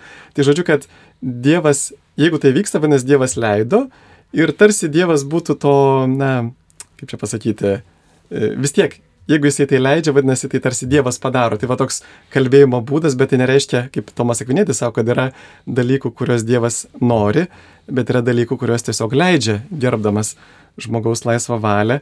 Tai va yra galbūt toks būdas kalbėti, kad čia Dievas įsakė, bet e, e, galbūt tai yra, na, kad Dievas leido tai.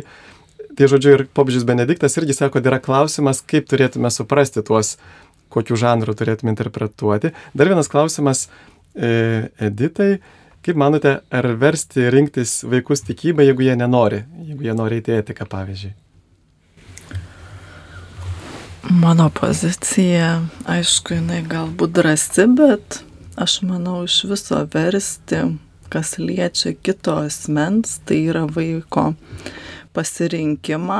Nu, sako, vaikai aišku turi būti auklėjami pagal tėvų vertybės ir tėvų pirmoji pareiga yra vesti tikėjimo keliu, auginti dvasingumą vaiko, bet aš žinau daug atvejų, kai vaikai tiesiog galimybę gavę tame tikrame amžiuje paauglystės, pavyzdžiui, pabėga taip toli nuo tėvų, kurie ten vertė, prievartavo.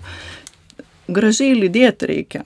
Paprašyti arba kai aš sakau dabar savo antrokėliui sūnui, ką tu darai, sakau, dėl to žmogaus, dėl draugo, kuris, pavyzdžiui, tikrai tau yra svarbus. Tu su juo būni, laiką leidi, daliniesi kažkuo tai visose situacijose būni ir kvieti į visas situacijas būtent tą draugą. Pasitikiu juo. Tai sakau, tiesiog laiką skirt, kai aš sakau, sekmadienį pradėti šventomis mišiomis, turėti tą valandą, kurią tiesiog ateidamas į bažnyčią dovanoji. Ir paskui taip jau besijuokiant, ką pabaigti norėčiau, tai vaikas sėdi bažnyčiai, prisilenkia prie manęs ir sako, bet mama, dabar mes atėjom visa šeima į mišes.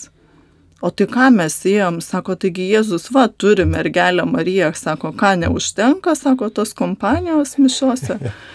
Ir aš sakau, bet palauk, sakau, nu pavyzdys, sakau, tu gimtadienį šventė, ne mes kiekvieną sekmadienį švenčiam, tau norisi daug draugų į gimtadienį pakviesti. Jo, labai. Tai sako, va, lygiai tas pats, Dievas laukia tiesiog, nieko neverčia. Ir kai ateina, kad ir tą pačią sekmadienio šventų mišių laiką, tarkim, daug žmonių bažnyčiai būna, tai ką Dievas daro tokiu atveju, sakau, labai džiaugiasi. Tai man kažkaip tai tas vertimas, mm, aišku, lyginant irgi turbūt patirtis yra, kaip mes lydėjom savo vaikus į sakramentinį gyvenimą, ruošėm juos tam Tai labai skirtingos patirtis ir aš galvoju, e, pagrindinis vis tiek organizatorius ir vadovas yra Dievas. Ir jeigu jis kažkaip tai to santykio net gaivina, neprikelia ir nepakviečia ir nepašaukia iš to miego, tai vaikas gali būti, kai aš sakau, daug tėvų pasako, nu, sutvarkiam, bet tai tuo ir baigėsi tas buvimas šeimos bažnyčiai, tai aš galvoju geriau netvarkyt, bet savo pavyzdžių, vieną kartą sekasi, aišku, kitą kartą ne, bet tiesiog rodyt, kaip galima tikrai geriau, kokybiškiau, prasminkiau gyventi, einant pas tą Dievą nesakau ir aš, kad mūsų šeimoje visą laiką sėkmingai vyksta tos ir e, kelionės į šventas mišes, bet nu, mūsų vertybės yra su vyru tokios. Mes esam pasakę savo vaikams, gyvenat šeimoje, augam visi kartu, vienas kitam padedam. Mūsų vertybės yra tokios ir mūsų šeimoje tiesiog gyvenam jomis, kaip išeina, vieną kartą neišeina, kitą kartą geriau pasiseka, bet mes, tai gyvenimo būdas iš tikrųjų, ne kažkas tai tokio, kad versti, priduoti, kai aš sakau, nu, krikšto tėvai galbūt būna šeimose, kad padovanoja, ne krikšto e, dieną, sakramentą ir kažkokia šventė būna, kuri, kai aš sakau, supakuota, bet vat klausimas, ar tą toliau sakramento praktikavimą ir gyvenimą su juo vaikas tęs. Tai man kažkaip tai tas vertimas atrodo tik tai, su, kitaip pasakant, sutvarkyti. Daugiau jis nieko nereiškia. Bet mintis, jeigu, žinai, tėvai gyvena tą krikščionišką gyvenimą ar tikėjimą, tai vaikas automatiškai jungiasi. Aš tai dabar susiduriu su kita problema, kad e, jaunavedžiai nori susituokti ir neturi sutvirtimo sakramento. Ir tada jiems didžiausias šokas, nes jie jau čia suplanavo vestuves, jie pradeda jau, jau salė užsakyta, fotografai užsakyti ir dabar jiems reikia bažnyčios santokos sakramento, jis neturi sutvirtinimo ir viskas jisai negali. Ir tada jam, jam vienu žodžiu, ką daryti, ką daryti, laksto visur ten tos kursus ir yra šokas. Ir tada klausimas, kur buvai, kada tau buvo ten 15 ar ten 14 metų. Arba kitas, irgi dabar, vat, ne vieną kartą susiduriu, kad nori būti krikšto tėvais, o neturi sutvirtinimo ir viskas, jisai negali būti. Man skambina iš užsienio, kaip čia dabar yra, taigi čia anksčiau kitai buvo, čia jūs kažką tai ir čiut ne, aš, aš neleidžiu. Sakau, aš tai leidžiu, bet kad bažnyčia neleidžia, nes krikštų tėvai turi turėti sutvirtinimo sakramentą. Čia reikia tiesiai šviesiai ištransliuoti visai Lietuvai, nes pagal kanų teisę, kas gali būti krikštų tėvai, tai sulaukia 16 metų, turintys e, patys krikšto išpažinties pirmos komunijos sutvirtinimo sakramentą. Jeigu yra santokų, turi bažnyčia santokų būti viskas taškas, tai yra pasakyta bažnyčios kanonų, jeigu mes dabar taip gražiai pakirčiuotume. Va. Tai, bet žmonės kažkaip tai va, tai čia anksčiau tie to nereikėjo, reikėjo, nereikėjo, niekas neklausė, nu anksčiau galbūt niekas neklausė. Bet pavyzdžiui, tarkime, jeigu užsienį, ar ten, ar Italijoje, pavyzdžiui, ar tu Lenkijoje nori būti krikšto tėvų, tai iš tavęs reikalauja pateikti iš tavo parapijos, kad tu esi pats pakrikštintas, kad prieėmęs komuniją ir turinti sutvirtinimo sakramentą. Ar tai yra normalu? O pas mus kažkaip tai žmonės vat, užsimanė iš karto ateina, ar sakykime, ar dėl santokos, ar dėl krikšto sakramento tėvų. Aš dar norėčiau truputį įsiterpti. Mm, mano manimu, tai yra mūsų bažnyčia ir taip per daug nalaidžiaujama, taip, lyginant su pritariu. kitom e, religijom ir tikėjimais. Ir per daug mes atmestinai e, žiūrime į bažnyčioje vykstančius dalykus ir procesus. Ir tas toks momentas, kad ir dabar sužadėtinių ruošimas, Tai aš galvoju, tai yra dar vienas šansas, kur tu per kursus netgi gali suprasti, ar tau iš viso reikalingas tas santokos sakramentas, ką tu darysi toliau su juo. Ir kai aš sakiau su sužadėtiniais kalbėdamas, sakau, nu gerai, sakau, dėl ko jūs norite tos bažnytinės santokos. Nu tai žinai, močiutė dar gyva, tėvai norėtų. Bet sakau, nu tai man tai patinka kunigų va tas toks sąmoningas žvilgsnis ir blaivus, kai aš sakau, ne tai, kad dėl skaičiaus, kad ten va dar bažnyčiai susitoks viena pora, kai yra pasakoma, aš tiesiog girdėjau vat, sužadėtinių su kunigu pokalbį, sako, nu būkit geri, sako, jeigu jums dėl nuotraukų, dėl bažnyčios tos aplinkos gražios, kad bus santokos vadiena, tas gražus visas užfiksuotas vaizdelis, aš sako, jums dar primokėsiu, nu ateikite į bažnyčią, leisiu nusifotografuoti, bet jūs tik tai nedarykite to tokio sakramento tiesiog šventimo, kur nesuprantat, ką toliau su juo daryti. Taip, tai ačiū, dabar mes turim jau nedaug laiko, tai pabandykime dabar dar trumpai atsakyti keletą klausimų. E, šeimoje vyras netikintis, e, žmona gyvena gyvų tikėjimu, vaikai paaugliai, jau sunku jiems pakviesti mišes, va kaip elgtis tada tokiais atvejais, kai vaikai mato tiek netikinčio vyro, tiek tikinčios mamos pavyzdį, kaip elgtis toms moteriams, kurie turi netkinčius vyrus? Nu, aš baisiausia situacija, kurią žinau, tai kad ne tai, kad netiki, bet ir draudžia ir neleidžia dalyvauti kitai pusiai mišiose, vaikus ugdyti dvasiškai. Tai kažkaip tai va tas liūdniausias, bet ką aš galvoju galėtų daryti žmogus tikintis, va būtent tą puselę šeimoje ir taip pat liečia vaikus, kurie galbūt nuo tikėjimo atkritę, tai yra malda kur yra svarbiausias dalykas, nes e, yra svarbu Dievui neuždaryti tų durų ir kviesti, prašyti, kad Dievas darytų tuos darbus, nors jie būna dažnai ir nematomi, bet tikrai, kai sako, Dievas yra visur, tik tai aišku, mes jo negalime matyti, tai tiesiog leisti, nes vėlgi Dievas laukia to mūsų sutikimo. Ir ištarto kas kart mes kasdieną sakom tą arba taip arba ne Dievui pasirenkam ir vėlgi žmogaus laisva valia. Tai aš galvoju, čia tik tai nuo Dievo visos situacijos priklauso ir nėra šiaip situacijų. Dievas visose juose yra. Tik tai mes kaip juose išbūname, ką toliau darome su tuo. Melistis, aš galvoju. Melistis ir prašyti tos malonės iš Dievo. Ačiū kitas klausimas. E, Jonas irgi turėjo mokinių, Jonas Krikštytojas. Ar žinomas jų tolimesnis likimas?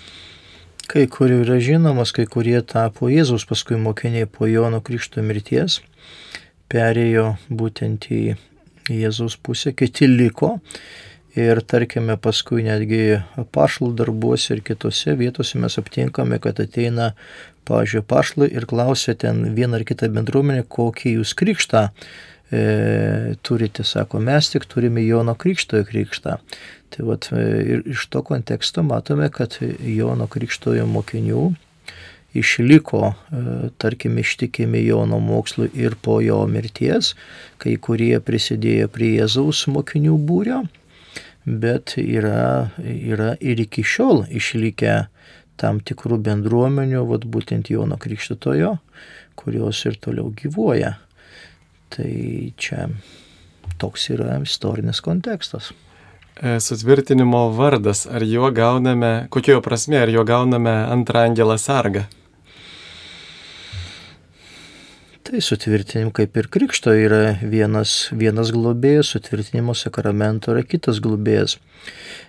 Reikia pasakyti, kad tarkime tie keturi sakramentai, kurie vadinasi įkrikščioninimo sakramentai, tai yra krikštas, išpažintis, pirma komunijos sutvirtinimas. Tai yra keturi sakramentai, tarytum, vat, krikštas atidaro tavo tikėjimo kelią, sutvirtinimas tarytum tave jau suformuoja. Nors, pavyzdžiui, nu, ten 15-16 metų, ką ten gali suformuoti, kad, kad per sutvirtinimo sakramento egzaminą tas jaunuolis jisai nežino mintinai tie, tikiu Dievo tėvo maldos. Tai ten apie kažkokią tai tikėjimų formavimą, bet kažką tai jisai jau pajaučia. O paskui, aišku, visą gyvenimą tau yra formavimasis to tikėjimo, bet vis dėlto sutvirtinimas vis tiek jau uždaro tą tokį tokį tą pirmumą keturių sakramentų ir dėl to yra tas taip pat pasirinkimas sekančio globėjo. Aš atsimenu, kaip mano laikais į 12 metų mes sutvirtinimo visiems ir aš 12 metų, pirmąją komuniją 7 metų, o, o sakykime, sutvirtimą 12 metų ir galvoju dabar kokį čia vardą pasirinkti. Tai aš galvoju, nu tai ką, nu tai Petras, jisai pats yra kečiausias, turi raktus ir pasirinkau Petrą sutvirtinimo. Nu va, ir visai neblogai. Taip. Kaip reikėtų, koks Jėzus mokymas apie dešimtinę, ar jie atšaukta, ar dar jau mokėti? Jėzus sakė, kad atėjo įvykdyti įstatymą, nepanaikinti, kaip elgtis aukojant bažnyčiai. Tai žinoma, kad nešaukta ta dešimtinė, tik tai žmonės antiek prisirišę prie savo pinigų, kad jie, nu, jie, jie geriau savo pasiliks, o ne kažkam paukos. Ir yra tam tikrų bendruomenių, sakykime, kaip neaukotichomenato bendruomenė, kurie iš tikrųjų, na, bažnyčia aukoja dešimtinę nuo savo atlyginimo ir, ir aišku, skaudu turbūt jiems irgi atsi, atsi, atsižadėti to, bet, bet tai vyksta, bet tai nėra privaloma, bet tai yra žmogaus, sakykime, na jeigu tu nori va taip gyventi, pasiryšti ir ne, tai tada taip ir darai. Taip, ir svarbu turbūt aukoti ne tik bažnyčiai, bet ir palaikyti visokias kitokias irgi karitatyvinės tai iniciatyvas, organizacijas, nes Žinoma. kartais bažnyčioje tie pinigai ir nusėdavo, o tos organizacijos nebeturi už ką veikti. Taip pat e, kitas klausimas, e, kur yra Mato Evangelijos 10 skyrius 23 eilutė. Kai pradėsiu jūs persekioti viename mieste, bėkite į kitą. Iš tiesų sakau, jums dar nebusite apibėgę Izraelio miestų, kai ateis žmogaus sunus. Kaip čia suprasti ateimą žmogaus sunaus tuo metu? Pirmoje bažnyčioje iš tikrųjų nu, labai gyvavo tas antras Kristaus ateimas, labai greitas. Nes, e, pasakyti, dar nepėsti visų miestų, o aš jau ateisiu. Ir e, Paulius e, pirmajame turbūt laiškė Tesalonikiečiams arba antrajame kovojo su tuo, nes buvo tokia idėja, kad e, po Kristaus kančios mirties prisikėlimo toj bus parūzė ir tai bus pasaulio pabaiga. Ir dėl to krikščionys, pavyzdžiui, jau nieko neusėmė daryti, jie paprasčiausiai laukė jau ateisančio antro ateimo ir, sakykime, ir nedirbo, ir ten nieko, ir dėl to Dėl to čia mes jaučiame tą tokią pirmosios bažnyčios irgi kalbėjo būdas, kad ta parūzija, Jėzaus ateimas, jisai yra labai greitas. Bet paskui Paulius jau savo laiškose aiškino, kad niekas nežino to Kristaus ateimo antrių, kada tai įvyks. Taip, kitas irgi panašus klausimas, kad e, galbūt ir pirma bažnyčia taip ir skleidėsi ir stiprėjo, nes daugelis turėjo vilti, kad jau tuoj tuoj Jėzus sugrįž ir e, bet jis dar vis dar nesugrįžo, taigi ar mes galim teikti, kad mes kažko nesupratome apie antrąjį Jėzaus ateimą. Tai čia turbūt panašus klausimas. Panašus čia, kad, kaip sako, mano viena grupė žmonių kažkaip tai labai laukia to greito atėjimo. Aišku, iš istorinio konteksto, kad įvairiausi irgi kankinimai, persikiojimai. Na, irgi 300 metų bažnyčia išgyveno persikiojimus. Tai galvoju, kad po to turi ateiti ir Kristaus antras ateimas yra ir apdovanojimas tą garbę, tą šlovę už kankinystę, bet mes matome, kad bažnyčia toliau tęsia savo gyvenimą. Prašau paaiškinti, kaip teisingai Dievą suvokti kaip asmenį. Mm, čia yra sudėtingas klausimas, kaip Dievą suvokti kaip asmenį. Tai bažnyčia moko ir Dievo žodis taip pat kalba, kad na, Dievas yra asmuo, jis pasireiškia trijose asmeni, asmenėse kaip Dievas tėvas, kaip Dievas nus, kaip taip Dievo šventoji dvasia. Tai yra būtent mokslas apie trinitologiją, dogmatinėje teologijoje galima ten paskaityti kokį nors traktatą. Šiomborno, pažiūrė, gera knyga arba ten kitos knygos, kurios kalba apie apie tai ir galima padiskutuoti. Taip, ir kad tiesiog, kad tai nėra kažkokia besmenė energija, taip, va, kaip kolonėlė benzino paėmė ir prisipėlė benzino ir ten tikrai benziną supranti, kad nėra asmuo ar elektra, bet kad tai yra asmuo, kuris turi protą, valią, kuris e, turi planą mums, kuris mus myli e, ir mes esam sukurti pagal jo paveikslą, panašumą. Va, tai e, taip pat Dar e, toks klausimėlis. Um, tai minutėlė. Na, va, atrodo, kad jau kaip ir visus pagrindinius klausimus mes ir praėjome. Tai e, dėkoju šiandien su mumis dalyvavusiems kunigui Linui Šipavičiui Vilkijos ir Seredžiaus parapijų klebonai, taip pat e, Editai Liubertiniai, e, šeimos, keturių vaikų mamai, kuri su mumis irgi dalinosi savo mintimis apie vaikus, apie jų ūkdymą, apie šeimas. E, tai likite su mumis, su Marijos radiju ir iki kitų susitikimų. Sudė. Su Dievu.